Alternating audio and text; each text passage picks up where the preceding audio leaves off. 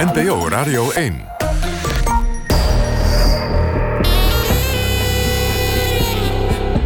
Argos. Onderzoeksjournalistiek van de VARA, Human en de VPRO. Max van Wezel. Een zonnige zaterdagmiddag gewenst en welkom bij Argos, uw onderzoeksprogramma op NPO Radio 1. Straks bespreekt recensent Margeliet Kleiwert twee boeken van vrouwelijke auteurs. Maar eerst terug naar een Tweede Kamerdebat van vlak voor de zomervakantie. U hoort staatssecretaris Klaas Dijkhoff. Dan de vraag van mevrouw Voortman over de tolken. U weet, in een uh, viertal zaken uh, is er nu in totaal een sterke schijn van betrokkenheid vastgesteld. Ik moet daar voorzichtig in zijn, want ik heb geen bewijs dat zij daar in hun handelen iets fout hebben gedaan. Maar ook de schijn vinden wij uh, voldoende om te besluiten iemand niet meer in te huren. Dus deze tolken worden ook niet meer door de IND uh, ingezet. Er lopen nog onderzoeken in uh, andere zaken. Op dit moment nog een tien onderzoeken. Uh, die zijn bijna afgerond en ik zal zeker de Kamer informeren uh, over de uitkomst als deze afgerond uh, zijn. Zij, staatssecretaris van Veiligheid en Justitie Klaas Dijkhoff op 30 juni jongstleden. De tolken waarover die sprak werden op non-actief gesteld na onthullingen van One World en Argos over banden die ze zouden hebben met het dictatoriale regime van Eritrea. Eind januari van dit jaar maakten we een uitzending hierover en vervolgens kregen we een tip. Er zijn veel meer problemen met tolken die door de overheid worden ingezet. Niet alleen bij de IND, maar ook bij politie en rechtbanken. Ondanks het feit dat er sinds 2009 een wet van kracht is die bepaalt dat deze overheidsorganisaties alleen nog officieel geregistreerde tolken mogen inzetten, worden nog steeds op grote schaal niet geregistreerde tolken ingezet. En dat kan soms verstrekkende gevolgen hebben. Speurneuzen Sanne Terling en Huub Jaspers gingen op onderzoek uit. Dit is een verslag. Een goede tolk zal jouw toekomst niet wezenlijk veranderen. Maar een slechte tolk kan je toekomst verruineren. Het Europees Hof heeft geoordeeld dat de rechter de ultimate guardian of the fairness of the proceedings is. He, dus degene die eindverantwoordelijk is voor de wijze waarop het proces verloopt. En er dus actief op had moeten toezien dat er een goede tolk aanwezig was. Gisteren zag ik hem nog rondlopen op de rechtbank. Hij is van Tunesische afkomst, dat weet ik toevallig. Maar hij wordt gezet voor, ingezet voor een beetje van alles. Of het nou gaat om Marokkaans of als het maar een variant van het Arabisch is... dan wordt hij daarvoor ingezet. En deze persoon staat dus niet in het register. Als laatste hoorde u Mustafa Loukili, gerechtstolk. Hij trekt al jaren aan de bel bij overheidsinstanties die de wet beëdigde tolken en vertalers niet naleven. Lukili voelt zich als voorzitter van een beroepsorganisatie voor gerechtstolken verantwoordelijk voor de kwaliteit van tolkdiensten bij rechtbanken. En ook bij de IND, de politie en justitie. Weet Lukili het beter dan rechters? Wij onderzochten dat en spraken de afgelopen maanden met tolken, rechters, advocaten en wetenschappers. We vroegen documenten op via de WOP, analyseerden honderden vonnissen en gingen kijken bij een rechtszaak waarbij Lukili als tolk was opgeroepen. Argos over mooie woorden en falend toezicht. Op het moment dat je als rechter niet het juiste of volledige verhaal hebt van de asielzoeker, kun je denk ik geen juiste beslissing nemen. Dus het moet gewoon kloppen. En voor de verklaringen van de asielzoeker ben je nu eenmaal afhankelijk van een tolk. Vreemdelingenadvocaat Bart Toebe. Een asielaanvraag kan stuk lopen op de foute vertaling van één enkel woord. Dat ontdekte hij toen hij de zaak op zich nam van een Iraanse vrouw die naar Nederland was gevlucht. Zij vertelt een verhaal waarin de geheime dienst in Iran een inval doet in haar ouderlijk huis. En de crux zat met dat woord inval. Dat gehoor is uiteindelijk naar de Nederlandse ambassade in Teheran gegaan om onderzoek te doen. Er is onderzoek gedaan in de omgeving eh, van haar ouderlijk huis, waarbij aan buurtbewoners is gevraagd of zij zich kunnen herinneren dat rondom een bepaalde datum er een inval is geweest in een woning hier in de buurt. En niemand kon zich dat herinneren. Niemand wist iets van een inval. Dus dat wordt opgeschreven in een ambtsbericht. En dat ambtsbericht is uiteindelijk gebruikt om haar asielrelaas ongeloofwaardig te achten. Andere details uit het vluchtverhaal waren juist wel geloofwaardig. De plek waar zij woonde, een belangrijk persoon die haar buurman was, dat werd allemaal bevestigd dat dat klopt, alleen die inval. En ik heb haar nog eens gevraagd, maar hoe zit dat nou? En vervolgens omschrijft zij de gebeurtenis en dan blijkt dat er drie mensen aan de deur hebben geklopt. De moeder heeft open gedaan. Eh, nou, dat zijn mensen van een geheime dienst in Iran. De deur dichtgooien is niet de meest verstandige keuze op dat moment. En die drie mensen zijn naar binnen gegaan en hebben een doorzoeking gedaan. En daar zat het tenminste. Er was sprake van een doorzoeking, niet van een inval.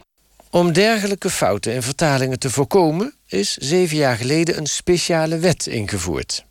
De Wet Beëdigde Tolken en Vertalers, afgekort WBTV. Rechtssocioloog Nienke Doornbos van de Universiteit van Amsterdam promoveerde op vertalingen van gehoren van asielzoekers. Zij publiceerde bij invoering van de WBTV een aantal artikelen over de bedoelingen en de implicaties van de wet. Nou, de wet beëdigde tolken en vertalers die is ingevoerd per 1 januari 2009. En die rust eigenlijk op twee pijlers. Ten eerste is er een register in het leven geroepen waarin tolken en vertalers zich kunnen registreren. En dat betekent ook dat ze dan aan bepaalde kwaliteitscriteria moeten voldoen. En de tweede pijler is dat er een afnameplicht in het leven is geroepen voor bepaalde politie- en justitiediensten om ook van die tolken en vertalers gebruik te maken. Die wettelijke afnameplicht geldt onder andere voor de IND, de Immigratie- en Naturalisatiedienst. Hij is er niet zomaar gekomen. In het verleden leidde de beroerde kwaliteit van tolken verschillende keren tot commotie. Bijvoorbeeld in het tv-programma Twee Vandaag van juni 1999. Slecht gekwalificeerde tolken die dragen ertoe bij dat asielzoekers ten onrechte uit Nederland worden uitgewezen. Het ontbreekt hen aan voldoende talenkennis, waardoor het relaas van asielzoekers verkeerd wordt weergegeven. De ombudsman en vluchtelingenwerk die krijgen klachten over de kwaliteit dus van asieltolken.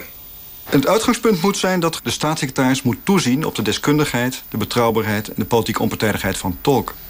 Bij de selectie van die tolken, bij de instructie aan die mens en de controle op tolk.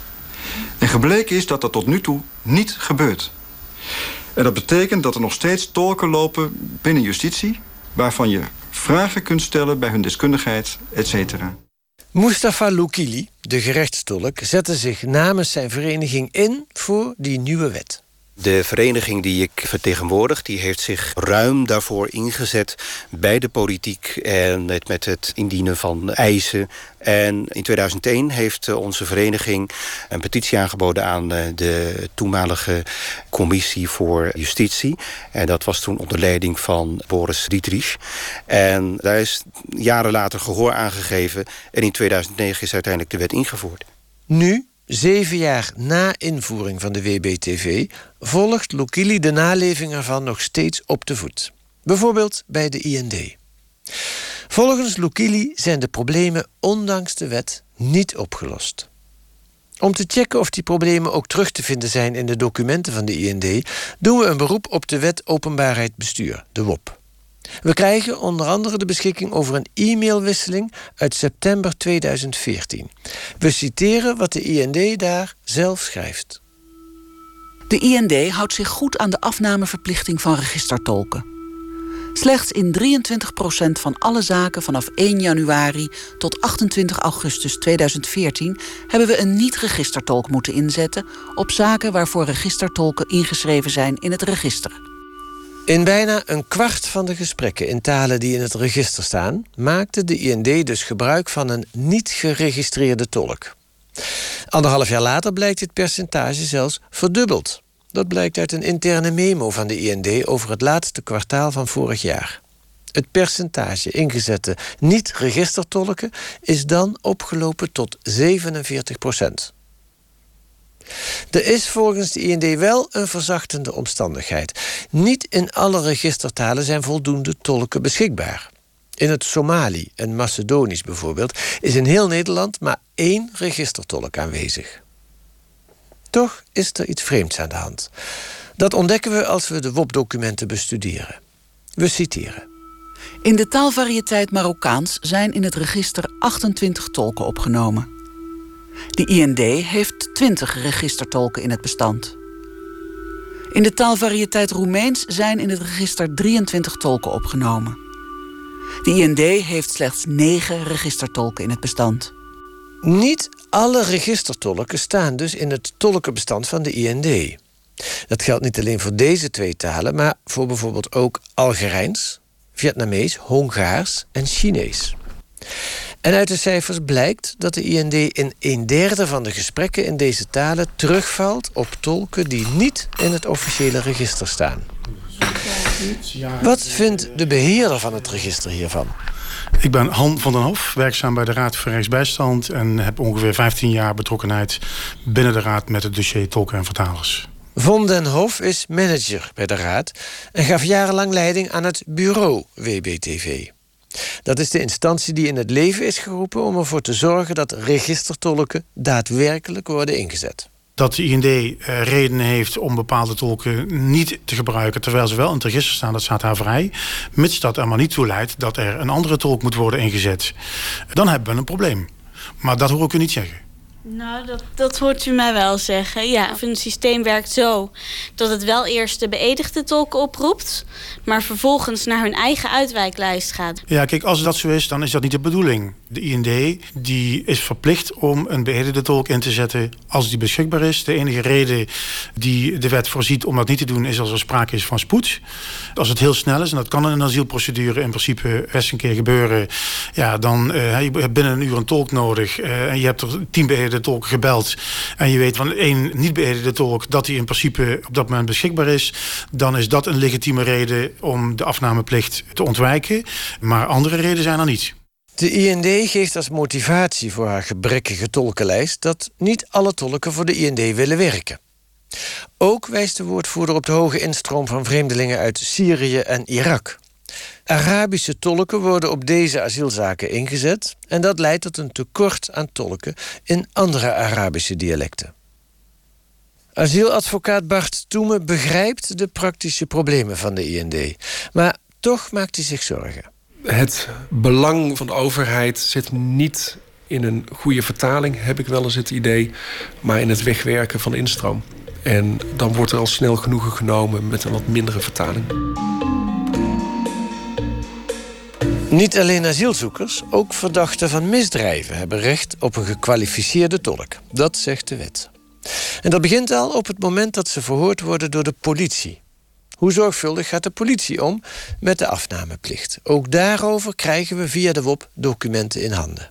In augustus 2012 klaagt een tolk bij bureau WBTV dat politieambtenaren niet eens weten dat het register bestaat en een verouderde tolkenlijst gebruiken waarop ook tolken voorkomen die helemaal niet meer in het register staan. Han van den Hof van het bureau WBTV. Het is voor sommige instanties wat lastiger om helemaal tot in de haarvaten van de werkvloer eh, door te dringen en die boodschap bij alle mensen goed neer te leggen. Eh, de politie is een veel grotere organisatie dan de IND. Bij de politie denk ik dat er heel veel mensen zijn die niet of nauwelijks tolken nodig hebben. En daar zal het wat minder op het netvlies staan dan bij gehoormedewerkers die per definitie in alle procedures een tolk nodig hebben. De nationale politie laat ons weten dat ze de afnameplicht wel degelijk serieus nemen. De juiste procedures staan op het landelijk intranet van de politie en zijn door iedere medewerker te raadplegen. Daarnaast wordt in voorkomende gevallen op individuele basis advies aan collega's gegeven. Via de WOP krijgen we inzage in klachten die erop duiden dat er politiemedewerkers zijn die de tolkenwet bewust niet naleven. Bijvoorbeeld een melding van een tolk uit april 2015. Ik word de laatste tijd steeds vaker gebeld om alleen het proces verbaal van een politieverhoor te vertalen. De politie heeft dan zelf de verdachte verhoord of gebruik gemaakt van een onbeëdigde tolk. Ze bellen mij dan om gebruik te mogen maken van mijn registratienummer. De tolkenproblemen bij de politie lijken verre van opgelost. We krijgen, op voorwaarde van vertrouwelijkheid, inzage in een recente klacht van een tolk. En daarin legt ze uit hoe de politie de inzet van registertolken omzeilt. Het komt regelmatig voor dat het verhoor al heeft plaatsgevonden en dat er wat obligate vragen aan het verhoor worden toegevoegd om dit vervolgens te kunnen bezegelen met het vereiste WBTV-nummer van de beëdigde tolk. Dit zijn zogenaamde vijf minuten diensten, inmiddels een begrip onder tolken. Dit verzin ik niet. Dit is bevestigd door een senior medewerker van Concorde, het tolkenbureau, die telefonisch reageerde op onderstaande klacht met de mededeling dat veel tolken Engels klachten hebben over het onwettige gedrag van de politie. De senior medewerker van Concorde zegt er niets aan te kunnen doen. De klant is koning en het automatisch doorgeven van naam en nummer is een contracteis. Als u niet meer voor de politie wilt werken, moet u zich uitschrijven.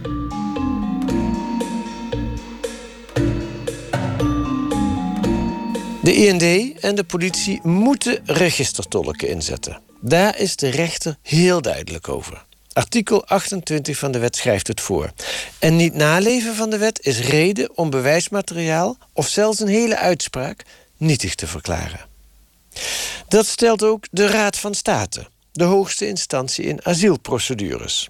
In 2012 schrijft de Raad in een vonnis. De duidelijke bewoordingen van dit voorschrift laten niet toe dat de minister gebruik maakt van een niet beëdigde tolk, zonder een motivering schriftelijk vast te leggen.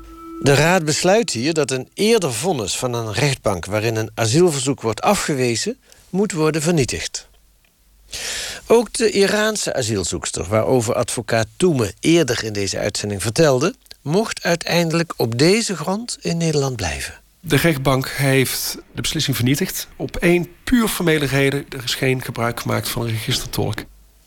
Ruud van Boom is strafrechtadvocaat in Utrecht. Hij ging met succes in hoger beroep na inzet van een niet-registertolk door de politie. Het was zo dat ik een verdachte had, die werd verdacht van mishandeling. Dat was een Turkse jongen. En die werd uitgenodigd op het politiebureau om een verklaring te komen afleggen. Omdat er aangifte was gedaan tegen hem.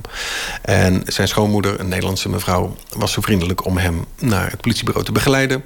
En toen vertelde de politie dat ze geen tolk hadden op dat moment. En toen werd aan de schoonmoeder gevraagd of zij misschien zo vriendelijk wilde zijn om te gaan tolken. Al dus geschieden. Door vertolking van zijn schoonmoeder legde hij op dat moment volgens het proces verbaal een gave bekentenis af. Met hier en daar wel wat kleine gekke dingen in zijn verklaring. Dus achteraf bleek dat haar kennis van de Turkse taal niet veel verder ging dan vakantieturks. De rechtbank die vond met mij dat het inderdaad niet op deze manier zou moeten gaan. En dat die verklaring dus niet bruikbaar was voor het bewijs. Wat was er dan misgegaan bij de vertaling door die schoonmoeder? Ja, dat is nou typisch een vraag waarop een advocaat zegt dat hij daar verder niks over te zeggen heeft. Want? Mijn verweer is geweest, door de wijze waarop de vertolking heeft plaatsgevonden, kunnen we niet meer vaststellen wat er feitelijk gezegd is. Omdat we er niet op mogen vertrouwen en ook niet op kunnen vertrouwen in dit geval, want het is een vakantie-Turks tolk, dat datgene wat op papier is gekomen, de verklaring is van mijn cliënt. Hoe weet u dan dat die schoonmoeder vakantie Turks sprak? Nou ja, de vraag moet omgekeerd gesteld worden. Hoe weten we dat dat niet zo is? En het feit dat het een Nederlandse mevrouw is, waarvan niet gebleken is dat zij zich op enige wijze anders dan door op vakantie te gaan in Turkije bekwaamd heeft in de Turkse taal, eh, betekent eigenlijk dat we haar het nadeel van de twijfel moeten geven. U luistert naar NPO Radio 1, het programma Argos. Vandaag over de wet beëdigde tolken en vertalers. Een wet die zeven jaar geleden is ingevoerd om ervoor te zorgen dat overheidsinstanties, zoals de IND en de politie, gebruik maken van gekwalificeerde tolken. Tolken die staan geregistreerd in een speciaal register. Ook de rechtbanken moeten tolken uit dit register nemen. We hoorden net dat rechters streng oordelen als de IND en de politie deze plicht niet naleven. Maar zijn ze voor zichzelf net zo streng?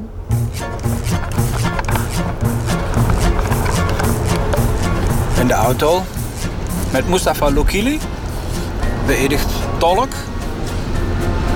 Waar gaan we nu naartoe?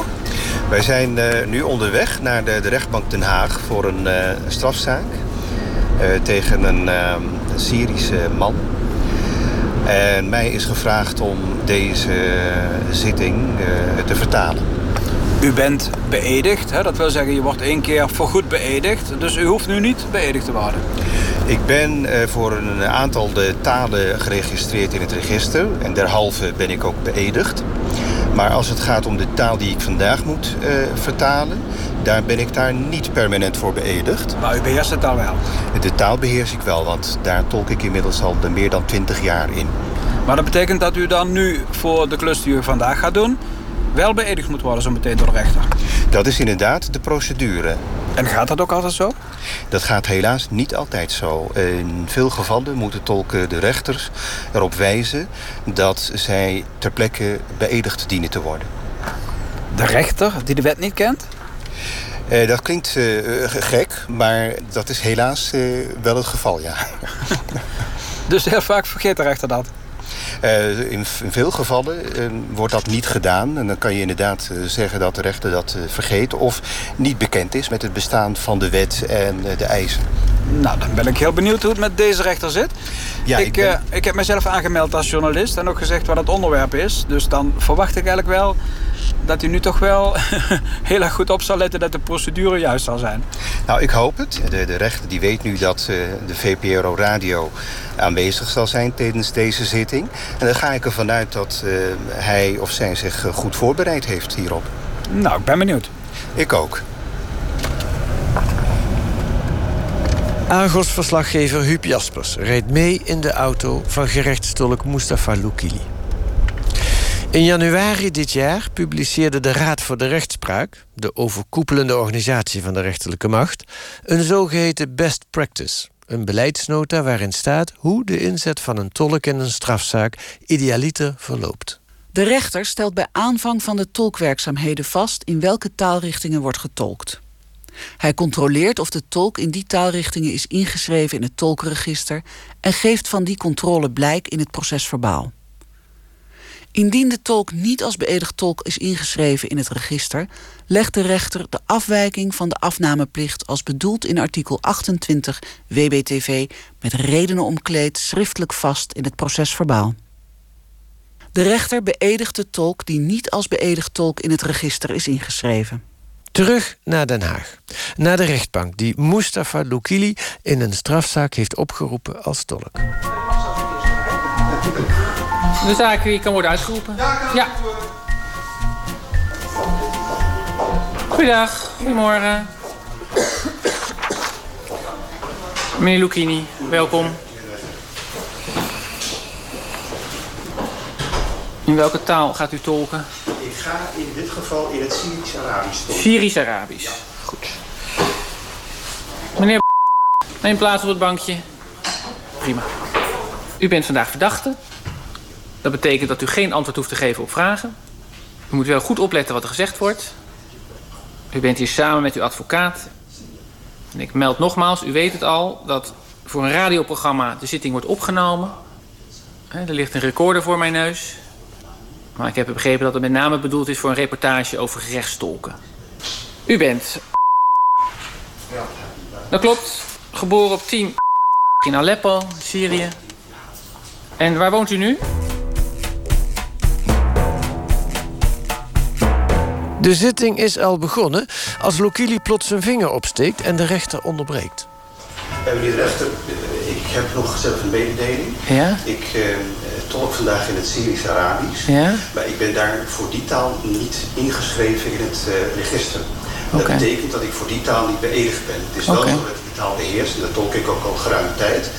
En dan is de procedure zo dat u mij dan ter plekke eh, moet beëdigen. Nee, dat is goed dat u het zegt, want ik, ik, ik, had wel gezien dat u in het register staat. Voor welke taal staat u dan in het register? Ik sta in het register voor het Marokkaans-Arabisch en voor een variant van het Berbers.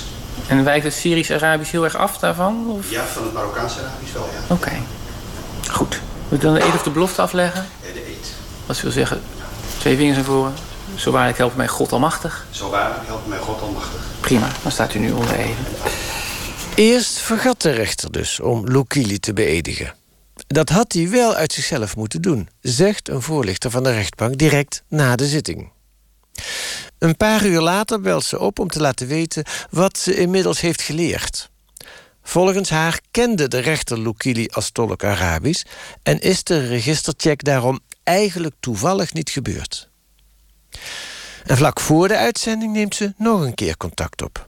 Ze benadrukt dat er in deze rechtszaak geen fout is gemaakt. De procedure liep alleen anders.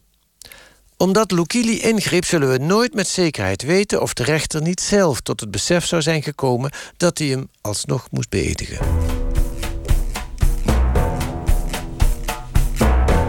Is dit voorval in de rechtbank Den Haag een incident? Lukili laat ons een brief zien die zijn vereniging stuurde naar het tolkenbureau van de rechtbank in Amsterdam en aan het bureau WBTV. Over het beleid van de rechtbank Amsterdam zijn inmiddels zoveel klachten ingediend. Dit kan geen incident meer zijn.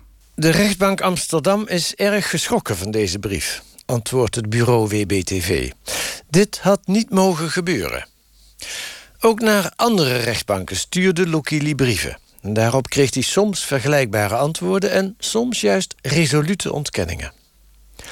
Hoe vaak wordt er in rechtszaken een ongeregistreerde tolk ingezet zonder dat aan de wettelijke voorwaarden wordt voldaan? Niemand heeft hier een overzicht van. We proberen dat te achterhalen. Dit is de afdeling info waar onze collega's zitten die allerlei archieven raadplegen. Dag Annelies. Hi. Dit is uh, meneer Lokili. Dag, Mustafa Lokili. Annelies. Hi. Met hulp van Annelies Botjes van de VPRO... en datajournalist Adriana Homolova van OneWorld... stellen we zelf een database samen. Daarin verzamelen we alle vonnissen die in 2015 zijn gepubliceerd... op de website rechtspraak.nl en waarbij een tolk is ingezet.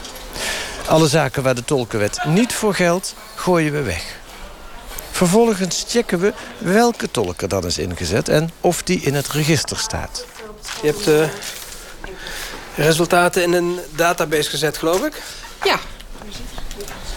En... Uh... Eens even kijken, ik pak het er even bij. Oh, vrolijk rood gekleurd waar het niet goed gaat. Kijk, nou, dat is behoorlijk. Ja, Tolk Lukili herkent op onze lijst de namen van verschillende niet-registertolken. Onder hen een collega die net als hij zelf Arabisch tolkt. Gisteren zag ik hem nog rondlopen op de rechtbank. Hij is van Tunesische afkomst, dat weet ik toevallig. Maar hij wordt gezet voor, ingezet voor een beetje van alles. Of het nou gaat om Marokkaans of als het maar een variant van het Arabisch is... dan wordt hij daarvoor ingezet. En deze persoon staat dus niet in het register. We zijn er ons van bewust dat niet alle vonnissen op rechtspraak.nl staan. Ons onderzoek betreft slechts een steekproef. Toch liegen de bevindingen er niet om. Van de bijna 200 zaken konden we een derde niet verder onderzoeken... omdat de naam en het registernummer van de ingezette tolk... niet vermeld werd in het vonnis. Blijft over 133 vonnissen die we konden uitpluizen. Uiteindelijk vonden we 16 rechtszaken van die 133... waarbij een niet-registertolk is ingezet in een taal... die wel voorkomt in het register... en waarbij niet in het vonnis is uitgelegd waarom dit is gebeurd. Een percentage van 12 procent.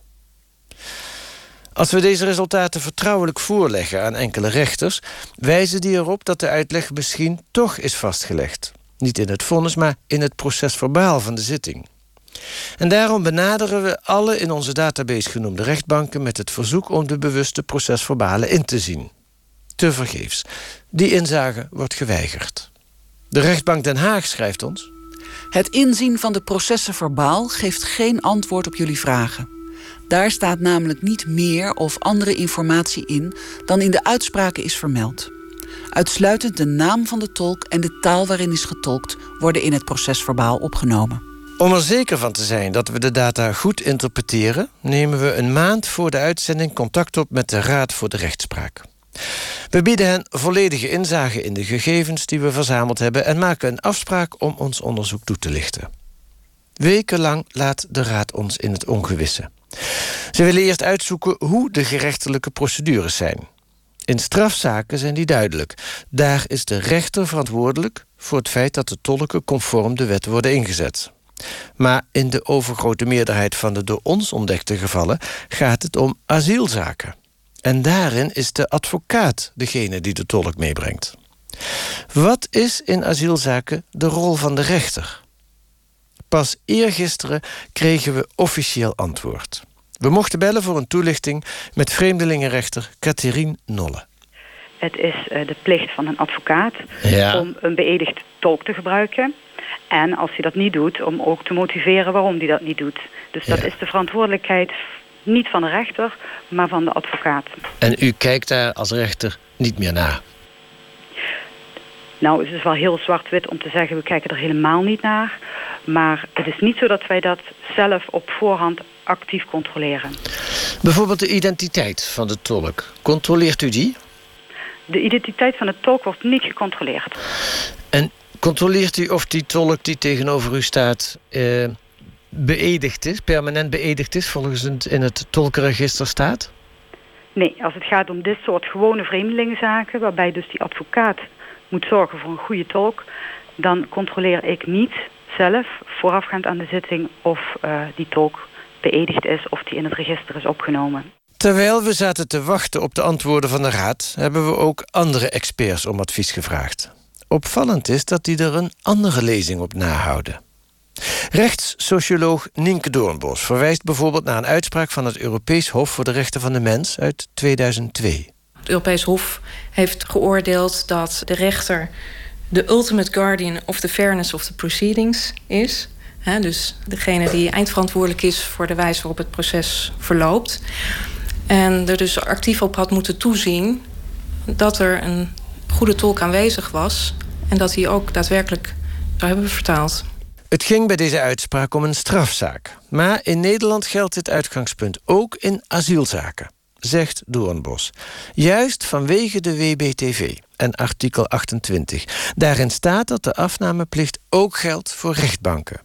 Dat wordt bevestigd door Han van den Hof van Bureau WBTV. De afnameplicht geldt voor strafrecht en voor het asielrecht. Of vreemdelingenrecht moet ik formeel zeggen. En wat zou u zeggen tegen een rechter die zegt van... ja, die afnameplicht, dat is de verantwoordelijkheid van de advocaat in deze zaak. Daar bemoei ik me verder niet mee.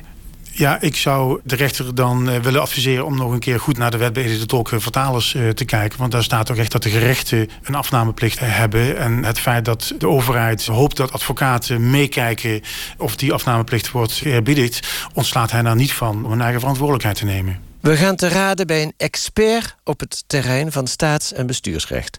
Hoogleraar Tom Barkhuizen van Universiteit Leiden. Bij wie ligt volgens hem de verantwoordelijkheid als een tolk wordt ingezet in een rechtszaak? Nou, de wet spreekt van een afnameplicht. En dat betekent dat als je als rechter een vertaler inzet, dat het bij jou ligt. Als als advocaat een vertaler inzet, ligt de verantwoordelijkheid bij jou.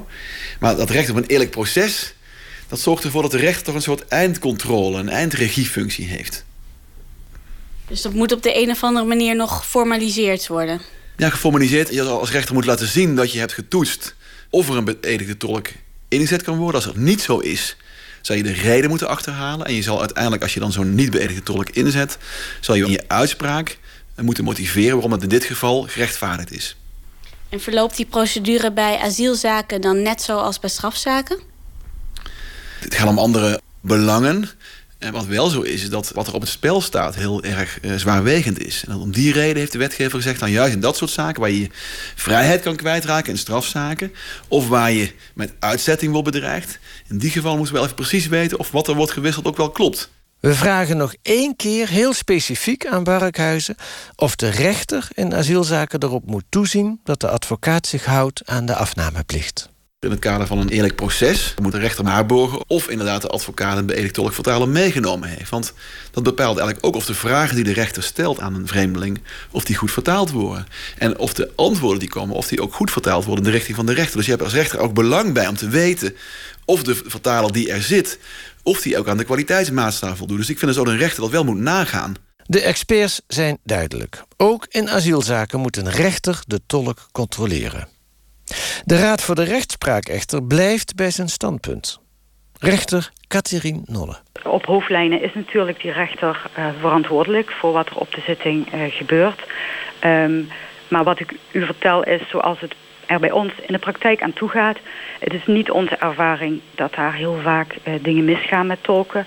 Maar in dit geval heeft de wetgever gewoon gekozen voor een systeem waarbij die taak, die verantwoordelijkheid is neergelegd bij de advocaat. Hij moet ervoor zorgen dat hij de juiste tolk meeneemt naar de zitting. Nee, dat klopt. Maar u bent de baas op die zitting. En u moet kijken of de advocaat zich aan die afspraak heeft gehouden, zegt Tom Barkhuizen.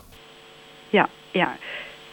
Maar goed, eh, hè, wat ik u vertel is zoals wij werken, eh, waar wij als rechtspraak achter staan. Maar op voorhand is het niet de taak, ook niet de wettelijke taak voor die rechter om te controleren of er aan de regels wordt voldaan die er zijn voor het gebruik van tolken. Op het moment dat je zegt, ik heb duidelijke informatie over inzet van niet beëdigde tolken, dan wordt dat afgedaan als incidenten. U heeft in een jaar maar zoveel voorbeelden genoemd. En dan voel je je als beroepsgroep niet serieus genomen. Mustafa Lukili.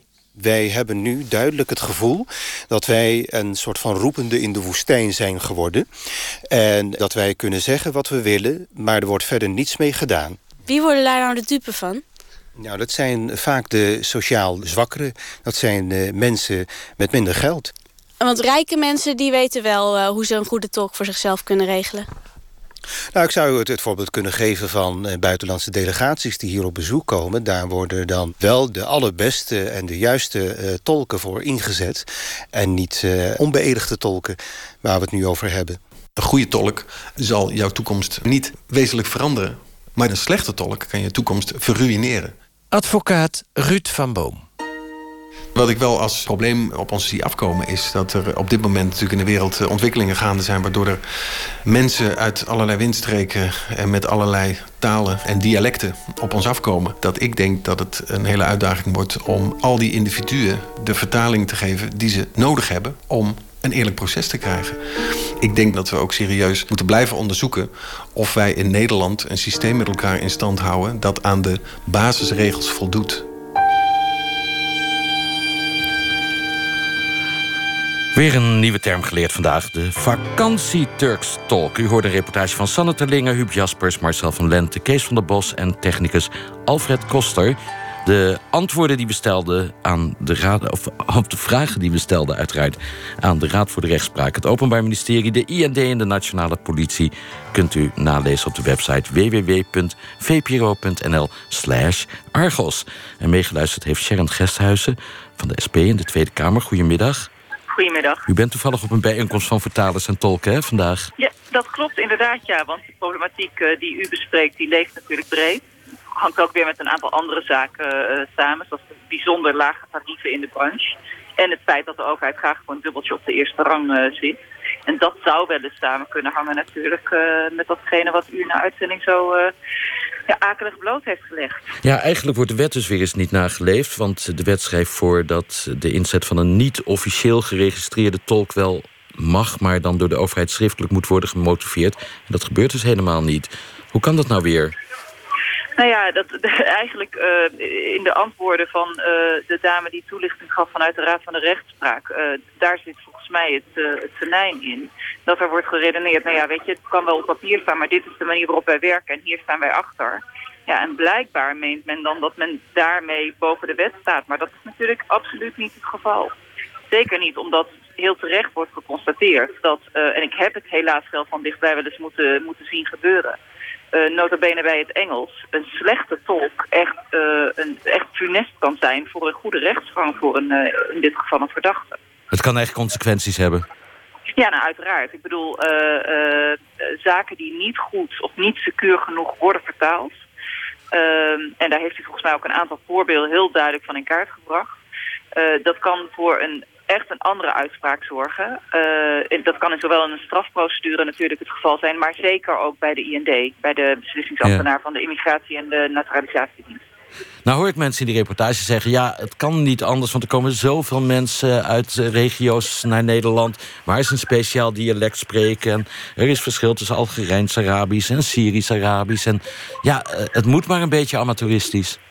Nou ja, uh, niemand zegt dus, en daarom is die wet ook zo opgesteld zoals die is. Niemand zegt dus uh, dat een, een, zaak niet uh, gehoord kan worden of als, dat hij niet voor de rechter kan komen op het moment dat er niet een beëdigd tolk beschikbaar is. Maar dan leg je dat gemotiveerd uit. Maar er is wel een heel duidelijke ja, wettelijke verplichting om, om daar je best voor te doen. En je zou dat kunnen zien als een inspanningsverplichting en die is wettelijk verplicht.